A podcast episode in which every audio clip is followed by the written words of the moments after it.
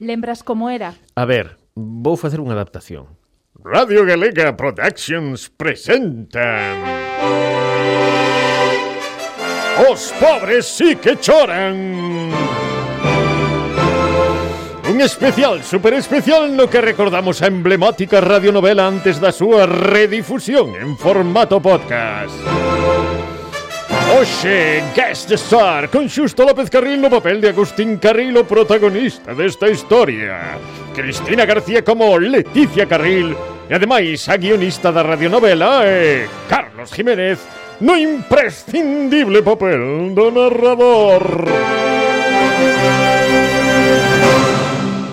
19 anos pasaron desde que facías isto todos os días, Carlos. Que maravilla. Eh. 19 anos. Eu co, coa mala memoria que teño e aínda me estou acordando de algunhas cousiñas e xa me dá risa só de pensalo. A ver, Xusto López Carril Contanos, despois de 19 anos, acordaste de como comezou todo, que isto era no teu programa? Comeza cunha idea de Cristina, cunha idea túa, que eu, en principio, teño que admitir que pensei que non tería tanta longitude no tempo. Non é que non é que dubidara da, eh, da guionista, pero que tamén, que tamén. Eu teña as miñas dúbidas de que se prolongara no tempo porque empezaba cunha idea magnífica. Primeiro, contra todo o que era digamos, eh, máis comercial e máis radiofónico nese tempo. A radionovela xa non tiña o prestixio que tiña daquela, xa perdera a súa potencia para tratar de eh, buscar novos ointes, e pareceme unha idea extraordinaria e ademais contracorrente, fora de lugar, e por eso me parece Por o resto é eh, totalmente magnífico. rompedora. Bueno, temos que aclararlle os ointes que, que o mellor non sabes de que estamos a falar. Estamos a falar dunha radionovela que facíamos diariamente no programa O Miradoiro, dirixido mm. por Xusto López Carril, hai 19 anos, porque isto empezou en outubro de 2003. E o mellor o que non lembrades é que a radionovela era un concurso. Sí. Realmente era un concurso. Claro, entón agora que se vai re, redifu, como se di? redifundir, Redifu, redifusionar. redifusionar en formato podcast, claro, os cazapos están aí. Claro. A xente que saiba que isto é conscientemente, claro. non? Cando se di o a radio, cando se di... non son moi sutiles. Sí, bueno, no, algúns eran sutis, sí, outros... Era o que che decir, sí. que, que hubo momentos, hubo unha evolución e había momentos que eran así cazapos eh, oxe fácil e outros que había que afinar, eh? Sí, sí, sí. Bueno, eh, unha radionovela que facíamos en rigoroso directo. Mm, sí, eh? claro. coa dificultade que teña eso e, e o problema que me causaba a mí, porque eu viña xa Isto emitíase ao mediodía sí. e eu viña de dúas horas e media de directo, xa claro. había un cansanzo acumulado e o peor que aínda quedaba programa. Co cal eu tiña que estar de alguna maneira adestrado preparado para esta situación. Bueno, Pero... e logo as risas que nos daba Ay, en directo ás veces, non? Porque risas. eu lembro que Carlos me dicía, Carlos Jiménez aquí presente o narrador dicía, eu non repaso guión antes, non no. o leo antes, eu leo xa en directo porque así río máis. Claro, no? claro. Era era aposta. No primeiro o mellor me preocupaba, no segundo capítulo eh e dicía, vou ser profesional, vou non facer, pero era moito máis divertido rir, rir e deixalo. Queredes ir. un exemplo dun fragmento? O narrador sí. que narra e ten que estar calado nas escenas. Bueno, pois im, est, poño vos en situación. Un capítulo no que eh, Agustín Carril, que é o papel que interpreta Xusto, está doente na cama. E isto é o que pasa. Ai, ai, ai, ai, miña nai. Ai, miña nai. Vou ter 42 graus. A lo menos. Que quen é? Que vai ser? Somos nós, temos que falar contigo urgentemente. Ai, non tropeces coa vacinilla. Ai, 42, 42 43. Urgentemente. Vou quitar o que máis. Mirad. Ai, ai, 30 pulsacións en repouso.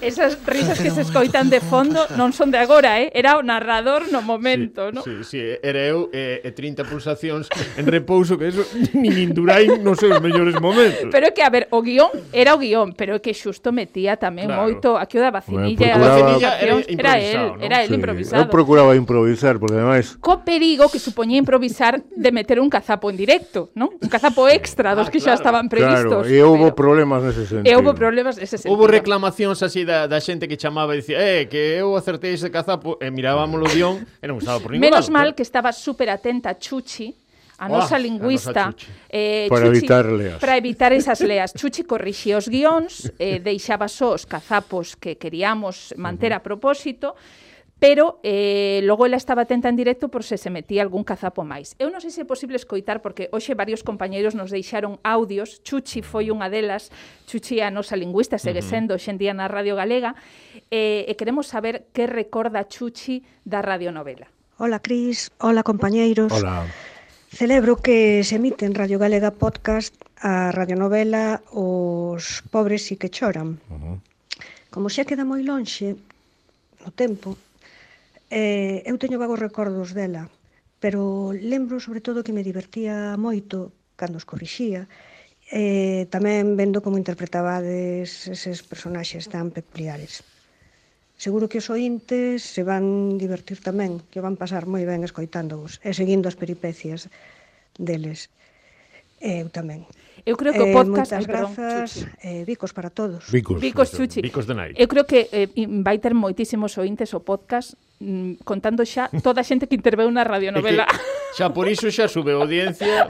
Pero aí está o éxito. O éxito foi que foi unha radionovela comunitaria, sí. socializada. Coral. Coral. Con moita xente da radio. Ninguén quedou fora, e se alguén ah. quedou fora foi porque se autoexcluiu ou porque consideraba que o seu papel eh, non estaba acorde ou, ou porque tiña mm, certo medo a actuar, etc. etc. Ninguén se auto ninguén foi excluído. Senón que se autoexcluíron. E de, son... diferentes categorías, eh, incluso profesionais que sí. pasaron por aquí, aquí non había, quero dicir, desde axudantes de, de produción, eh, técnicos, eu creo que tamén algún técnico sí. entrou aquí, eh, premeu o botón de, de grabación sí, e pasou sí. por aquí, logo, no dado, logo tal. Eu creo que ese é o éxito. A ver, queredes escoitar outro momento Home, de risas, claro porque sí. a ver, eh o o tema do directo tamén traía que eh, había efectos de son e ás veces os efectos de son nos eh, que estábamos actuando non sabíamos como ían ah, soar, ah, claro, non? Sí, sí. Entón esta é unha escena na que Olga Carril, se lembrades era Susana Llorente, sí. cae por unhas escaleiras, non? e isto é o que sucede. Por todos os demos, colga xa, Leti, que isto é serio. Xa está, papi, xa está, xa colguei. A ver, a ver, a ver, que imos facer? Como lle imos a dicir a Olga que Gabriel quero divorcio? Mm, iso é o que me pregunto eu.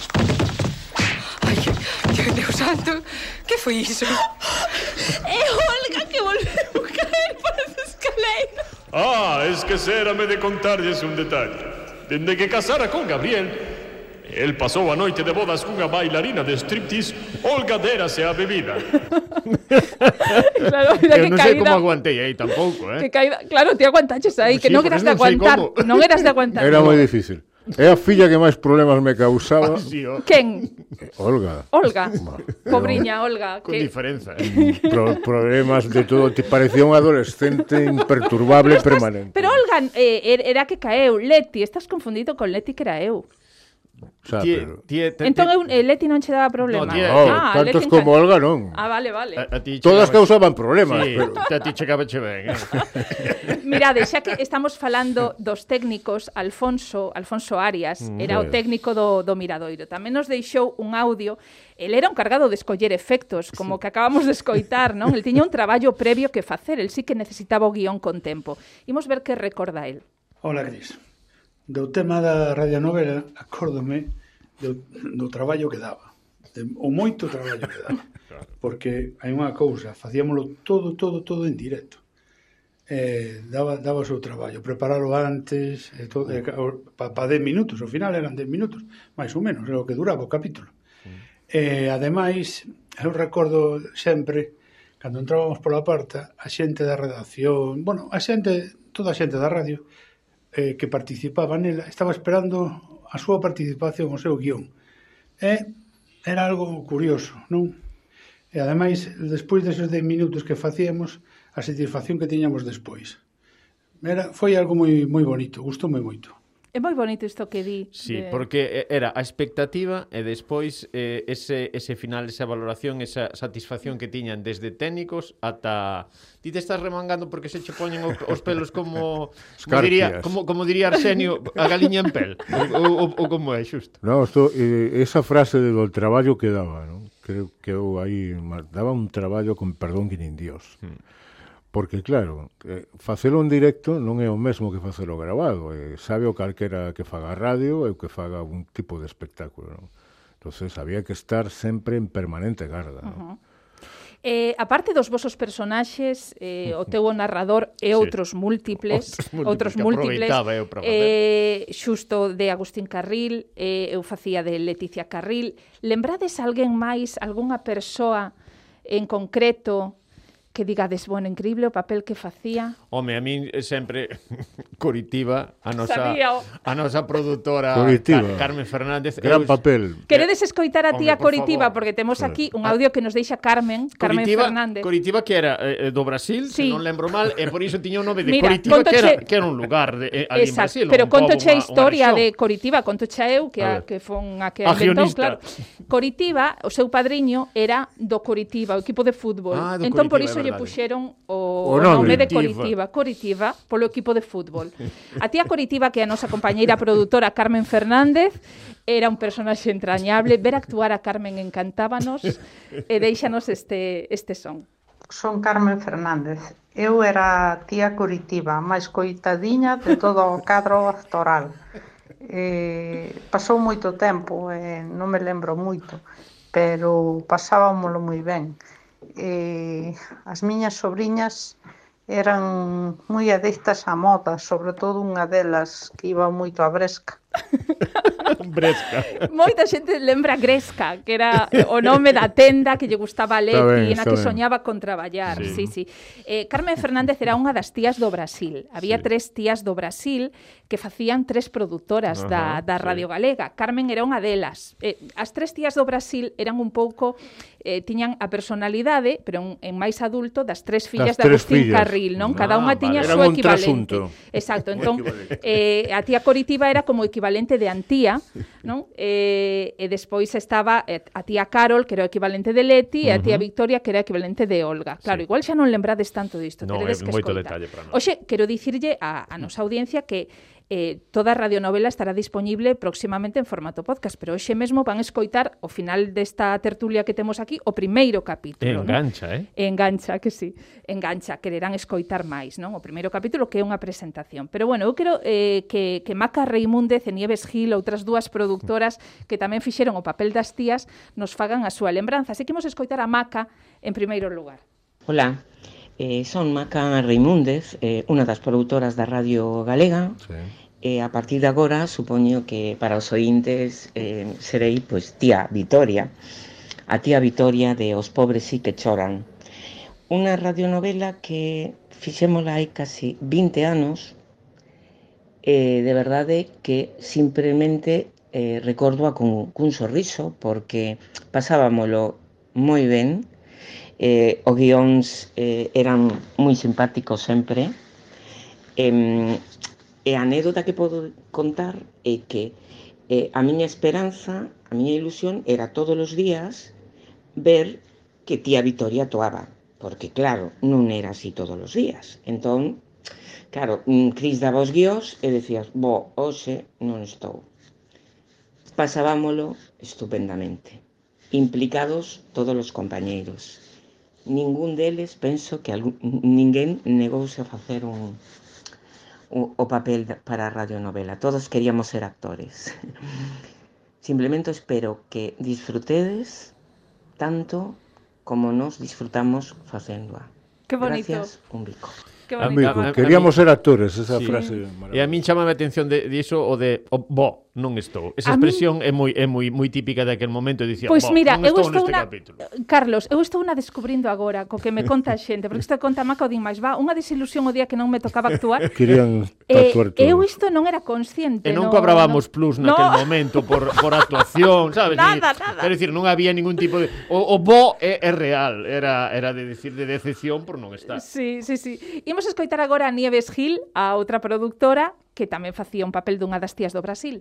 Ola, eu son Nieves e era Carol na radionovela e o que podo recordar despois de tantísimos anos é que era moi curioso como cada un estaba traballando no seu, re, Cristina repartía o papel, chegaba o momento, ías, leías e volvías a seguir traballando como, como se nada pasara. E recordo especialmente pois a compañeiros que, que xa están xubilados e especialmente pois a, a Nicolás que mm, constame que o pasaba moi ben e é un recordo bonito. Nicolás Camino, que o estamos lembrando bueno, tanto sí, estes sí, días. Sí, sí, que estivo na Outro detalle, viña xente de outros horarios especialmente sí. para participar. Mm, mm. É dicir, había unha Que non era o caso de Nicolás, non, que xa estaban Había un horarios, transfugismo había, de horarios porque querían participar na, na radionovela que era un gran éxito. Nicolás Camino, o compañeiro que faleceu o ano pasado, a, a quen votamos de menos, pois lembrámolo por moitísimas cousas históricas na Radio Galega, entre elas era a primeira voz, voz da Radio Galega pero eh, tamén hoxe queremos lembralo como Don Cristobo, o párroco de Buserana, esa vila ficticia na que transcorre esta historia que hoxe contamos, eh, e xa que por desgraza non podemos contar co recordo de Nicolás, parece vos que escoitemos o debut de Nicolás sí, na Radio Galega, non, a primeira vez veña. que apareceu. Me gusta xogar con vostede, don Cristobo. É que o carniceiro e o resto só queren xogar cartos. Eu, a verdade, Non estou para moitos gastos. Xa me gustaría, pero... Xa sei, Agustín, xa sei. É que esta aldea será moi pequena, pero hai moito vicio. Da gusto recibir fegreses novos, respetables como ti e como a túa familia. Por certo, o domingo non vos vin na misa. Catro doble, é que comprenda, don Cristobo, que era o primeiro domingo que abría a churrasquería e tiñamos que atendela. Pero a próxima fin de semana, prometo yo, non lle fallamos. Aínda que sexa imos a misa do sábado, que vale igual. Sí, Agustín, claro, non dubido que debiche estar moi ocupado. Aínda así, tiveche tempo para botar unha peza con Adelina Xeitoso, Eh, o día das festas tamén a convidache a xantar o domingo. Pero como sabe iso, don Cristobo? Oh, díxomo a propia Adelina. Ai, sí. E que máis lle dixo? Díxome segredo e confesión, así que non lle podo contar nada máis. Son titular. Que venlle caía o papel de cura e, e, e el non era nada cura. Ai, pero, non. Pero... Sabía todo, eh, de Agustín. Cando eu eh, lle din o papel de, de cura de Buserana a Don sí. Cristobo, había xente que me dicía non te atreverás a darlle o papel de cura a Don pois Cristobo. Sí. Pois sí, e a él encantoulle. Home, el eh, facía unha interpretación, eh, metíase no papel... Absolutamente fácil. Encantáballe, encantáballe... Eh, e, bueno, deu unos momentos fantásticos. Este foi o primeiro capítulo, o seu debut, como ese cura que se lle escapaban titulares das confesións, pero, pero bueno, hai outros momentos increíbles que, que protagoniza. Bueno, quero ter un momento para o narrador tamén, uh -huh. porque o narrador, eu eh, estes días estiven, mm, claro, como imos emitir a, a radionovela en formato podcast, estiven repasando un pouco, escoitando, sí. e había, pois imagina, de 19 anos que non escoitaba isto. Entón, descubrín que houve unha injustiza co narrador. En que sentido? A ver, eh, imos escoitar como empezaba un capítulo clásico, uh -huh. Mm, todos os capítulos da radio novela empezan así.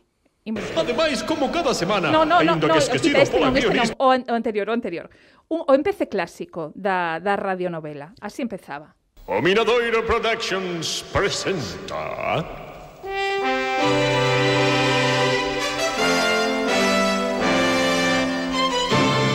Os pobres sí que choran.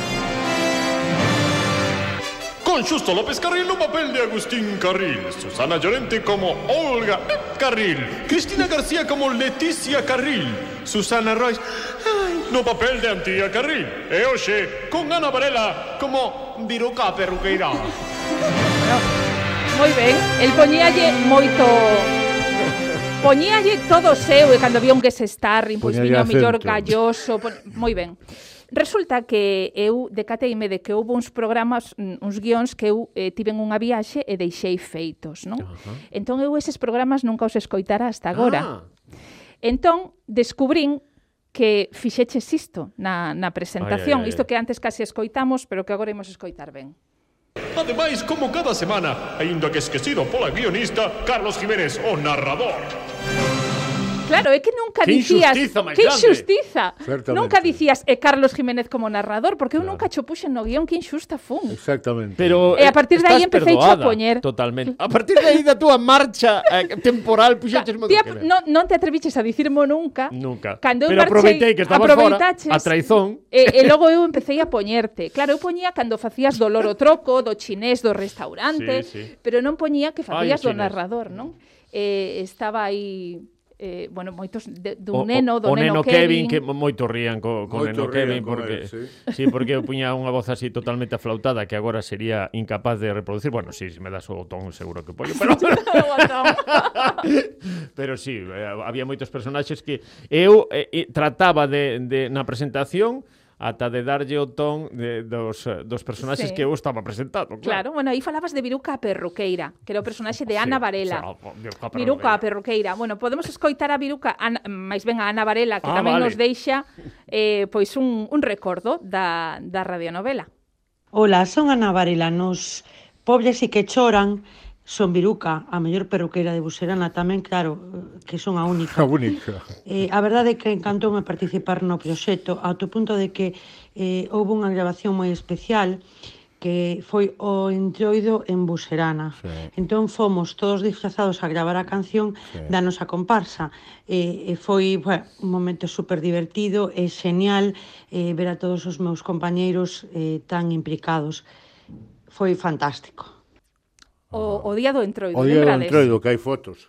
Pero non está Carlos nas non fotos. Estou eu, Ti non estou estabas o día do entroido. No, non estou, non sei por qué. Non faría... estaría ese día. Tería día libre, non? Ou faría a, a miña interpretación o, o tema da, da narración, pois... Pues, eh, desde Houve días aquí, que, os hai, sei. que os faz por teléfono. Ah, sí. Sí, non, non sei por qué, porque falta un narrador por algunha cuestión e, e, e notase que estás por teléfono e algunha vez que igual tiñas día libre Isidro Cea fai o papel do narrador. Ah, sí, tamén. Sí. Técnico de son, sí, tamén. Sí, sí, sí, sí, lembro, sí. Fai, fai ese papel intentando que non se note a diferenza, eh, porque fai o mesmo. Faría bastante mellor que a min. No, no, facedelo moi ben os dous, moi ben os dous. Bueno, pois o, o día do entroido que mesmo nos disfrazamos, que xusto lle pediu a Pablo Barreiro que nos abrira o contro, o, o, o estudio, estudio o estudio grande. O, a, sí. o actual estudio multimedia. Onde está ¿no? o estudio multimedia. Sí, para facer aí en condicións e con moitos personaxes. Porque ao final, claro, nos facíamos todo isto no mesmo estudio no que se facía o programa O Miradoiro con un número de cadeiras e de micros limitados. Exactamente. No? Por iso tamén os personaxes eran ian alternándose día a día porque eran limitados, pero aquel día do entroido pois puido ser moito máis máis coral. Amplo, sí, sí, coral. sí, sí, sí, sí. Bueno, hai hai compañeiros que eu non lles pedín a todo mundo que nos enviase mensaxes personaxes, uh -huh. non? Porque senón isto si ia eternizar, pero hai personaxes que igual podemos escoitar tamén o seu debut eh, porque eran personaxes moi entrañables. Eh, un que, que seguro que lembrades comigo é Xos Antonio Vales. Oh, claro que sí. Vales, a ver, explicade a audiencia quen era quen é Vales, que está agora xubilado, pero que cal era o seu Vales traballo Vales era o conductor, eh, encargado do coche, de baixar a xente, de Rapaz subir para todo. Uh -huh.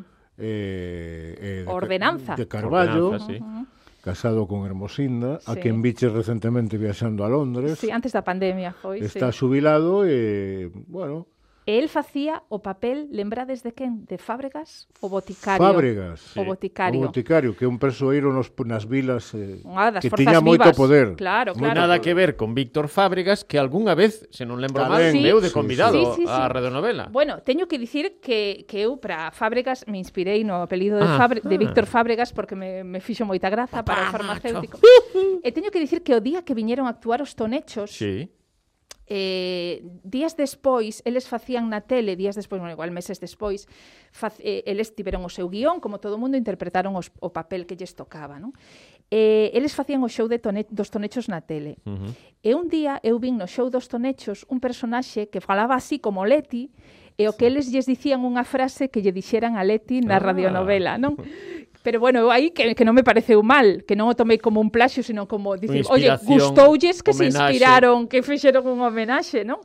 Colleron algo do guión que tiveron pois, na radio eh, para... Eu, eh, eu, un, durante dúas ou tres temporadas estive de presentador do, do show dos Tonechos e seguramente algo tamén eh, lles metería eu por aí pois eh, igual, que se inspiraran. Pois non lembro tamén, moito, pero seguramente algo Que así. tamén é había probable. algo aí, non? Había un... Mm, sí, eh, influencias. Influencer bueno, pois, daquela. Imos escoitar o, o debut de Vales, de Xos Antonio Vales, como Fábregas o Boticario. A farmacia de Bucerana era máis ben unha especie de laboratorio antigo. O boticario, Eladio Fábregas, era o típico farmacéutico de toda a vida. Tanto que se negara a ir co progreso e casi non vendía ningún medicamento preparado. Todo facía el mesmo, ata as tiritas. Cando Agustín entrou co loro moribundo, Fábregas estaba facendo unha das súas fórmulas magistrais. E que le quieres, Josefina? E agora, dúas pingas de glicerina líquida e ala. Socorro! Socorro, Fábregas, Miñato, Carballés, Urxencias, que me morro loro! Eh!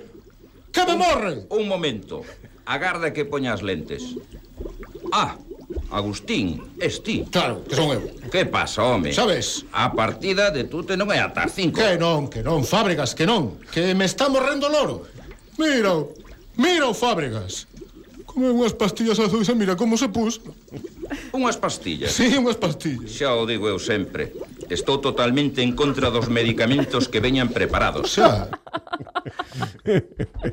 eu, e sabes bueno. que me estaba fixando tamén, aparte de, de, das risas que vos daban. Improvisación, eh? Sí. E despois o rever que tiña eu que sí. Julio Iglesias eh, eh, estaría debecendo por ter o rever por ter... que tiña eu cando o me como narrador. principio de narrador, sí. pero despois vales eh, espectacular aí facendo. Entrou con el, el cantaba el sempre ca... que... le queres Josefina. Cantaba o el realmente. Cantaba en redacción. Polos pasillos e eh. sí. E entón eu aproveito e tamén improviso, digo de Miñato Carballés. Utilizo esas dúas expresións eh, quero de, isto é unha isto é unha mm, un modelo de como se improvisa. Sí, ¿no? sí, sí, sí. Claro. Eh, efectivamente. Eh... Que iso ata se ensina agora, o de impro, non? Que hai que hai cursos de impro e tal, non sei que, o cursos de impro podíamos darnos. Exactamente. bueno, que vos parece se escoitamos a Susana Rois? Eh. Susana, eh, que nese momento estaba no equipo do Miradoiro, facía o papel de Antía Carril. A máis coitada, a máis coitada das... Tres, das... Sí, sí. Igual na voz non a recoñecedes moito porque está algo afónica. Ai, eh, sí, neste Susana... capítulo, non? No, no, non é o capítulo, no, unha mensaxe que nos deixa, un saúdo ah, que nos ah, deixa ah, Susana. Ah, Ola Cris e compañía, que Hola. gusto saudarvos e que sorpresa descubrir que despois de tantos anos aquela churrascaría que tan bons momentos nos deu volve a abrir as súas portas de algunha maneira. Creo que, que vai ser moi emocionante escoitar agora aquela radionovela dos primeiros 2000. Eu era antía, creo lembrar que era a irmá pequena da familia e que era algo choromica, mas non me acorda ben ben que cousas lle pasaban. Só recordo que tiña un mozo, camioneiro, que andaba case sempre por fora e lembro, iso sí, como se fose hoxe aquel día que chegou de viaxe cunha viseira nova no camión que poñía Antía. Acórdome eh, tamén da expectación que se creaba no equipo con cada novo guión, a ilusión por lelo e por descubrir que ocorrencia tería a túa personaxe ou a que outra nova lle daría entrada a Cris por, por primeira vez, porque o elenco era, era extenso e era moi diverso tamén. Estábamos as persoas do equipo, por suposto, pero tamén moitos outros compañeiros e compañeiras da redacción diría que, mm, que todos os personaxes tiñan un aquel extravagante, esa era a graza, non? pero non deixaba de ser unha rareza moi apegada tamén ao carácter persoal de cada unha das intérpretes. Todos os personaxes tiñan algo de nós mesmas, desas profesionais que tivemos a sorte de coincidir ali nese, nese estudio de radio, de compartir desa Sauno, que era o cazapo preferido da, da creadora, e que tivemos a sorte tamén de escachar coa risa moitas mañas, porque rir creo que rimos moito e que, e que rimos moi a gusto Estou desexando facer tempo para escoitar cada capítulo e se fai falta todos dunha tacada. Un bico enorme. Bicos. Bueno, todos son 250, eh? Eu vou polo 70. 250. Eu vou polo 70 escoitando. Ai, ti, ti veches que facer tempo, eh? Como... No, claro, le, levo meses, non? Claro, con, claro. Eh, escoitando. Bueno, non sei se estades de acordo con isto que dicía Susana, de que cada personaxe tiña, tiña algo... algo del... Tiña algo, sí. Porque del dela, vamos. Claro, ao final, nos, bueno, excepto aquí Carlos, eh, que o sí. que máis se parece a un actor, non? Os demais non somos actores. Entón, moitas veces a xente dicía, ah, que vengo facedes, como vos metedes no personaxe. Eh, eu creo que un pouco a clave era que non fixeras algo radicalmente distinto a sí. ti, quizáis algo que estaba caricaturizado, sí. non?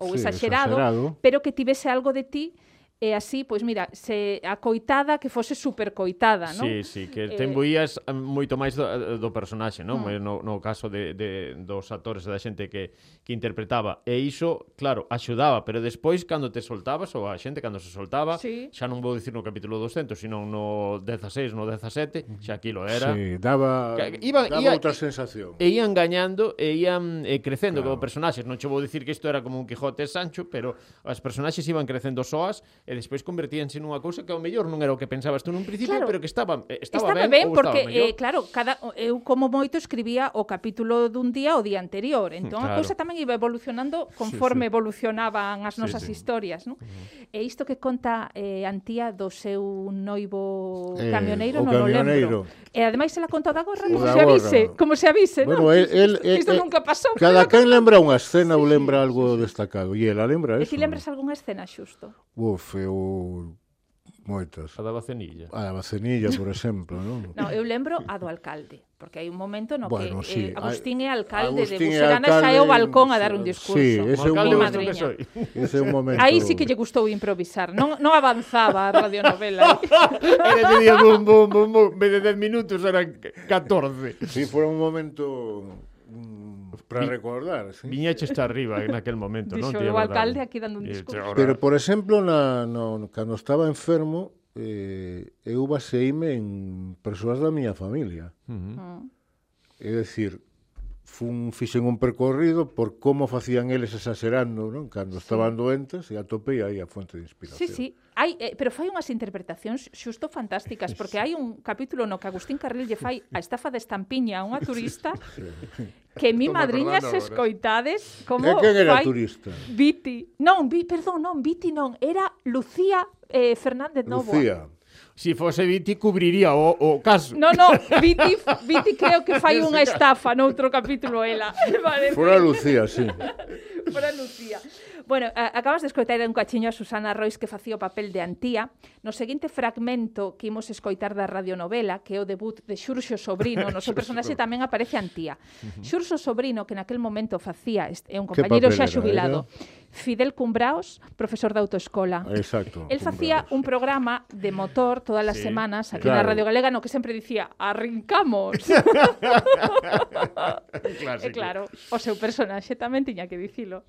Antía estaba na súa primeira práctica da autoescola. O seu monitor era Fidel Cumbraos, o home que ensinou a conducir a toda Buserana. bucerana. O método de Fidel era moi particular. A ver, Antía, Xa aprendiches cal é cada pedal? Sí, mira, este é o freno, este é o acelerador e este é o embrague. Por fin, menos mal. Ben, agora vas conducir, pero vas ir a modiño, eh? Mira, Eu vou poñer este vasiño de auga aquí no cadro de instrumentos e ti tes que conducir tan suavemente que non pode caer ningunha pinga de auga. Entendiches? Sí, sí, a teoría entendina, agora que a práctica... Vale, pois estás preparada? Arrincamos!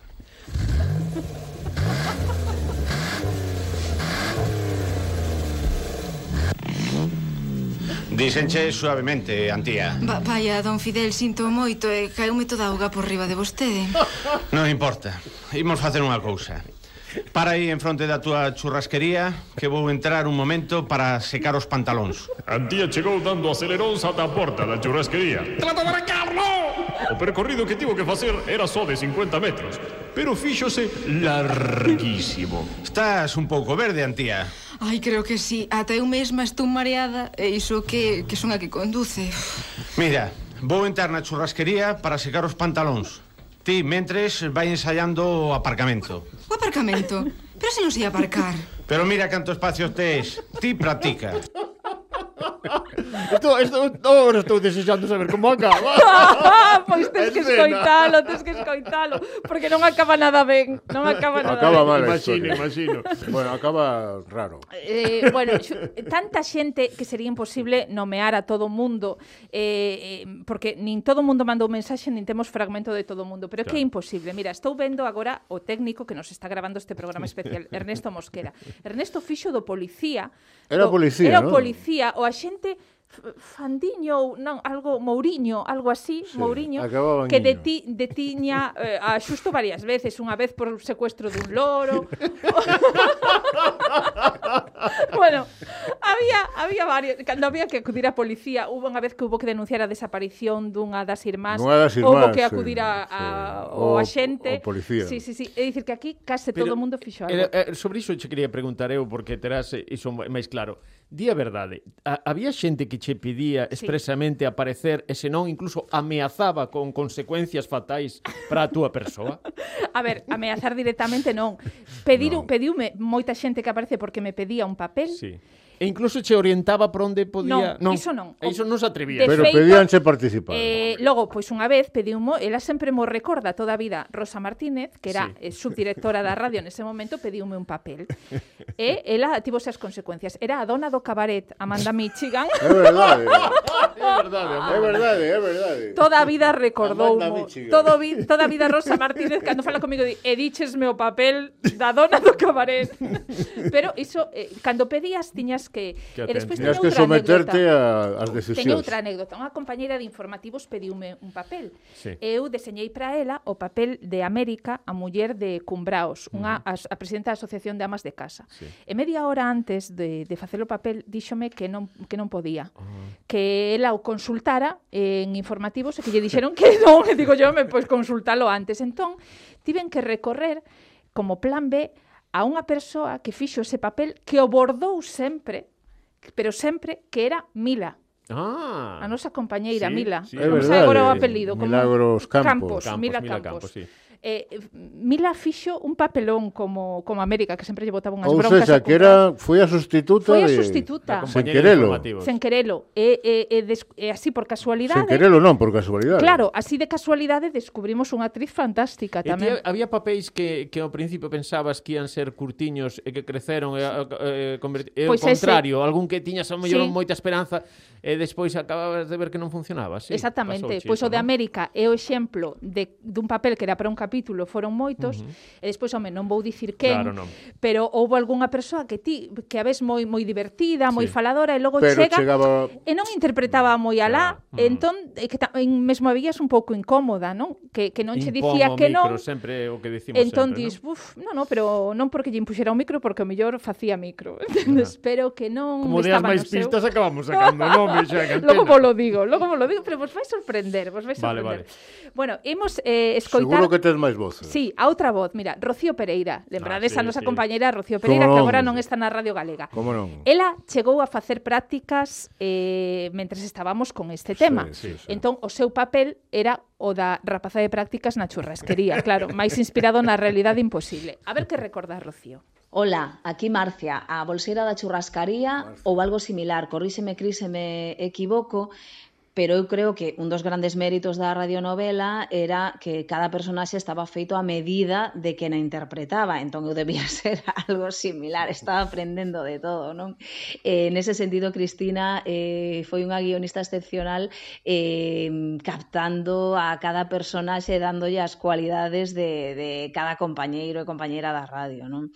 Eh, foi unha experiencia xenial, era un momento favorito, divertido do programa, eh, todo o mundo estaba desexando participar. Non recordo ben como funcionaba o tráfico de influencias para conseguir unha frase, unha personaxe ou un especial guest starring deses que, que se facían de cando en cando para que os compañeros que non estaban en quenda pois pudesen participar.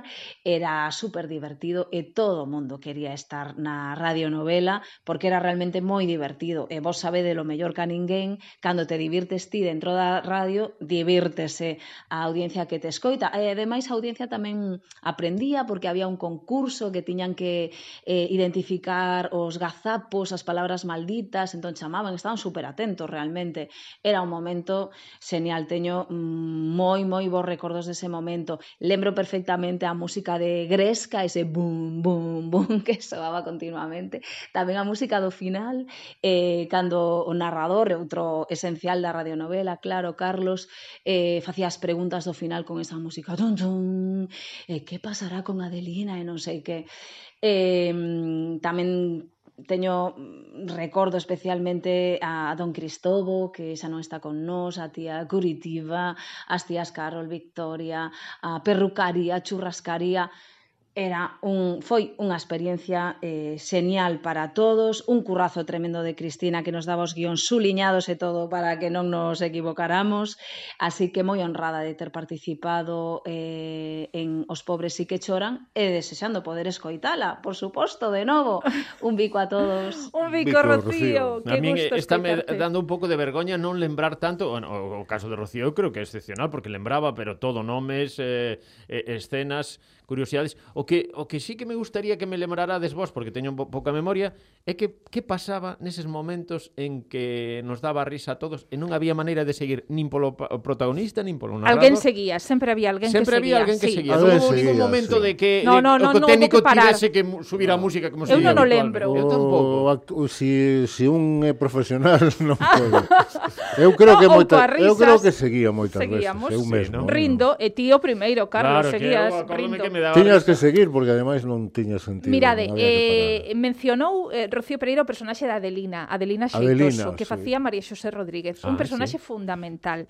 María Xosé, que falei con ela estes días, non puido porque está así pachuchiña, está convaleciente sí. unha operación, dixo, a ver se me vexo con ánimos de gravar o audio, pero ao final non o grabou. Eh, eso si sí, enviéille algún capítulo para que xa ela fora escoitando, enviámoslle un bico desde aquí, desde porque logo, Adelina sí, é un personaxe fundamental. E despois de, de aparecer Adelina moitos eh, capítulos capítulos despois, apareceu a súa irmá pequena, Adelu.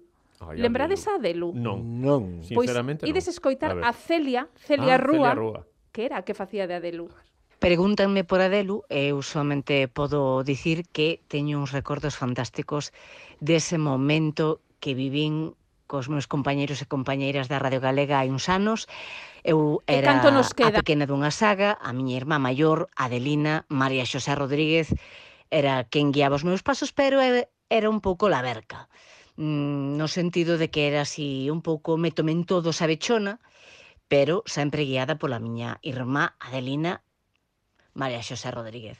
A verdade é que con Adelu e co resto de compañeros e compañeras pasei un moi bo momento porque facíamos algo totalmente diferente ao que era o que estábamos acostumados e foron unhas semanas ben divertidas unhas semanas nas que riamos e que agardábamos polo guión que nos preparaba a nosa guionista, guións disparatados, pero que agardamos que fixéramos pasar un bon momento aos que nos escoitaban. E, sobre todo, unha cousa, eu era Delu, miña irmá era Adelina, calquera parecido coa realidade cunha saga de comunicadoras españolas Nada. Por a coincidencia. Aí, Pura a culpa da guionista, como non. bueno, moitas grazas, Celia. E, eh, e temos unha última eh, un último audio que nos envía uh -huh. Cristina Martínez. Ajá. Eh, Cris facía o personaxe de Tamara, que era a empregada de Fábregas na farmacia. Unha muller eu eh, moi reivindicativa. Lembrades sí, isto? Era un carácter reivindicativo. Sí, sí, sí, sempre reivindicando. E eh, ademais era nai de Kevin que era ese neno que ti... Sí, que facía eu, sí, sí. Unha muller con forza, nai solteira, sí, non? Sí, dese, sí, dese neno repelente. Era moi repelente, eh, o Kevin, ese. sempre andaba aí trosmando e, e, e metendo en problemas a xente. Imos escoitar a Cristina Martínez. Ola a todos. Bueno, pois eu recordo sobre todo o momento no que se emitía a radionovela. Era case o momento máis agardado da, da mañá. Cada un metido aí de cheo no seu papel, todos pendentes de facelo ben de non enganarnos, de que nada fallara, de que todo saíra a perfección. Eh, eu era Tamara, era unha personaxe polo que recordo bastante superficial. Eh, recordo tamén moito a Vales, que o facía xenial, descubrimos aí a un actorazo tremendo. E venme a mente tamén a cara de Xusto. Tomaba tan en serio que parecía que ia dar as noticias. E que, claro, metíamonos moito cada un no noso papel. Así que, nada, eu penso que os pobres si que choran tiña que ter unha segunda parte. A ver se é verdade. Veña, unha aperta a todos. 19 anos despois, en Buserana, non? Sí, Esa sí. segunda parte. Sí, bueno, o nome... O nome puxo xusto, sí, eh, o nome, do sitio. Sí, unha furna que hai en musía na Costa da Morte que ah. ten unha lenda preciosa que non é aldea, porque ali é imposible que haxa vida humana, porque é unha furna, E eu propúxenlle eso e, e ela aceptou. E tamén eh, os Carril, que sempre foron unha familia de negociantes. Uh -huh. A banda... O sea, que pasa que este Agustín Carril, eh, os seus negocios... Bueno, é un negociante moi especial, pero é un nome que non existía na miña familia, pero sí esa rama de negociantes, que Ajá. permanece aí inalterable desde hai séculos. Eh? Pero está ben isto que dicía Cristina, non? Que, que xusto viña de dar con toda seriedade todo tipo de noticias sí, do programa sí. e collía a radionovela coa mesma seriedade, co mesmo sí, rigor. Para mí... Eh, era, era eh, dicía Cris agora que to, todos estábamos esperando a hora que chegara, que eu creo que era sobre o mediodía, xusto, sí. non? Sobre 12... 12 a esa hora despois das 12. Que ao mellor había unha noticia, acababa de, o corte de informativos eh, cunha cousa bastante dura, Pero nós tiñamos que... A radionovela tiña que ir no seu momento sí. na súa hora. E mesmo en programas que fixemos fora, con pois o alcalde daquela de Lalín, que segue sendo o mesmo. Sí. Eh, tamén, Crespo eh, fixo un personaxe. Tamén fixo un sí, personaxe. Sí, sí, sí. Eh, Adaptábanse incluso adapta... as saídas. Sí, sí, as saídas, non? E, e facían sí, o seu sí. personaxe. Era sagrada. Sí. sí, sí. Era rigurosa. Palabra, esa, esa, gústame esa palabra. Era sagrada. sagrada. A, a radionovela era sagrada. Era rigurosamente sagrada. Bueno, pois, eh, se vostedes están descubrindo esta radionovela agora, os pobres sí que choran, van ter a oportunidade de escoitar o primeiro capítulo. En uns días, pois xa en radiogalegapodcast.gal xa poderán ir escoitando o resto, se se enganchan a todo isto. Eu creo que sí, eh, case 20 anos despois, non perde actualidade, no, segue sendo creo, divertida. Eu creo que hai que deixar o hype, como din os rapaces agora, e eh, eh, eh, enganchalos, non soltalos todos de golpe, ir soltando os poucos, Exacto. para que a xente mm. eh, se enganche e diga, que pasará no próximo? Esas preguntas que claro. facía ao final. ¿no? Bueno, pois, eh, Xusto López Carril, Carlos Jiménez, eh, grazas os dous por estar aquí comigo recordando Gracias a, a Radio Un placer E desprazámonos agora a outubro de 2003, o día no que se emitía na Radio Galega o primeiro capítulo de Os pobres e que choran. O Miradoiro Produccións presenta... Os pobres sí que choran. Con Xusto López Carril, no papel de don Agustín Carril. Susana Llorente no papel de Olga Carril. Cristina García como Leticia Carril. Susana Rois como Antía Carril. E hoxe, Carlos Jiménez como a señorita do aeroporto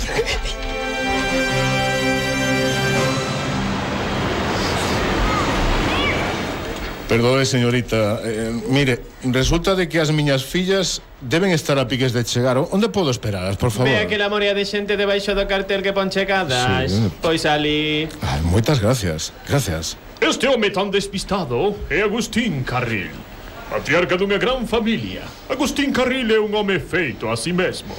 Cando era máis novo, emigrou ás Américas para facer fortuna e triunfou na vida e nos negocios casou cunha atractiva muller de procedencia galega e tiveron tres fillas. A familia Carril era dona dunha próspera cadea de restaurantes de luxo. Pero hai uns meses, un mal investimento en bolsa levou-nos á ruína. Agustín, home emprendedor, decidiu regresar a Bucerana, a súa aldea natal, e dende ali comezar de novo. Hai un mes que don Agustín abriu unha churrasquería en Bucerana Perelso non pode fazer-se cargo do negócio. Hoje, as suas filhas chegam a Galicia para trabalhar com pai. Así que xa sabedes, xa que mamá decidiu quedar a loa mañan dos papéis na súa ausencia, eu, que son a irmá maior, voume facer cargo de todo. A viaxe en avión das tres foi moi cara, así que a partir de agora imos ter que apertar o cinto. E iso vai especialmente por ti, Leticia. Jo, Olga, xa sastico a túa vareza. Se aperto o cinto un pouco máis, non podo respirar e a ver se me devolves o meu móvil dunha vez. Sí, claro, para que chames o mozo ese que tes. Pois non, porque agora que estamos en Galicia chamada é conferencia internacional e é moi cara. Moi cara, moi cara. Mira, eh, é, é onde vai Antía? Aquí, aquí, estou aquí, é que estou buscando a papá entre tanta xente non o vexo. Ui, ali está, hola papá. Ah, hola, fillas, pero que guapas estades. Veña, traide rápido as maletas, que imos perder o coche de liña que vai a Buserana.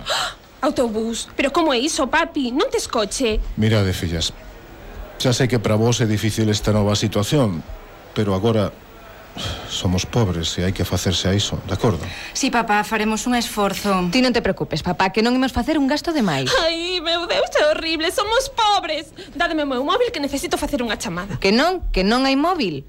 O autobús levou a Agustín Carril e as súas fillas ata Bucerana. Pero elas non sabían o que ian atopar ali. A churrasquería que agora rexentaban non tiña nada que ver cos luxosos restaurantes que tiñan antes. Bucerana é unha aldea duns 50 habitantes. Ali estaban a antiga casa familiar dos Carril. Unha casa bella, cunha graxenta churrasquería no baixo. Despois de tres horas de viaxe chegaron. Fillas, este é o noso novo fogar.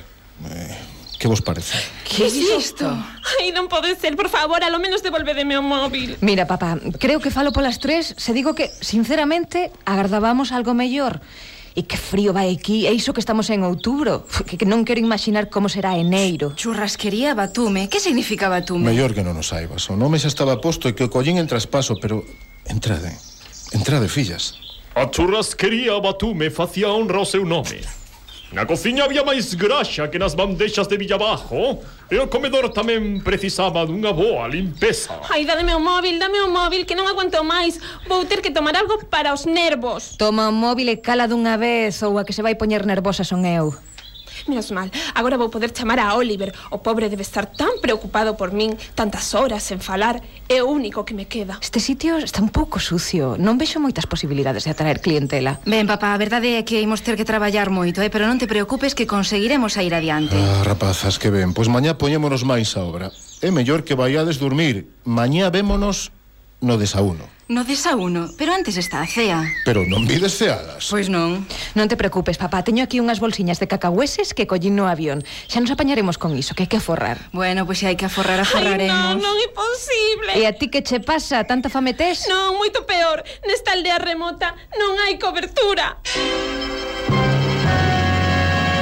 Conseguirán os carril converter a churrasquería Batume en un restaurante decente? A França stressirmás a nova vida em Bucerana. Chegarão esses cacahuetes para a fea. Que faralete com móvel sem cobertura. Muito me querias na churrasqueria, já não me queres tanto. Na porta de um banco, há um rapaz solo que era tão gracioso.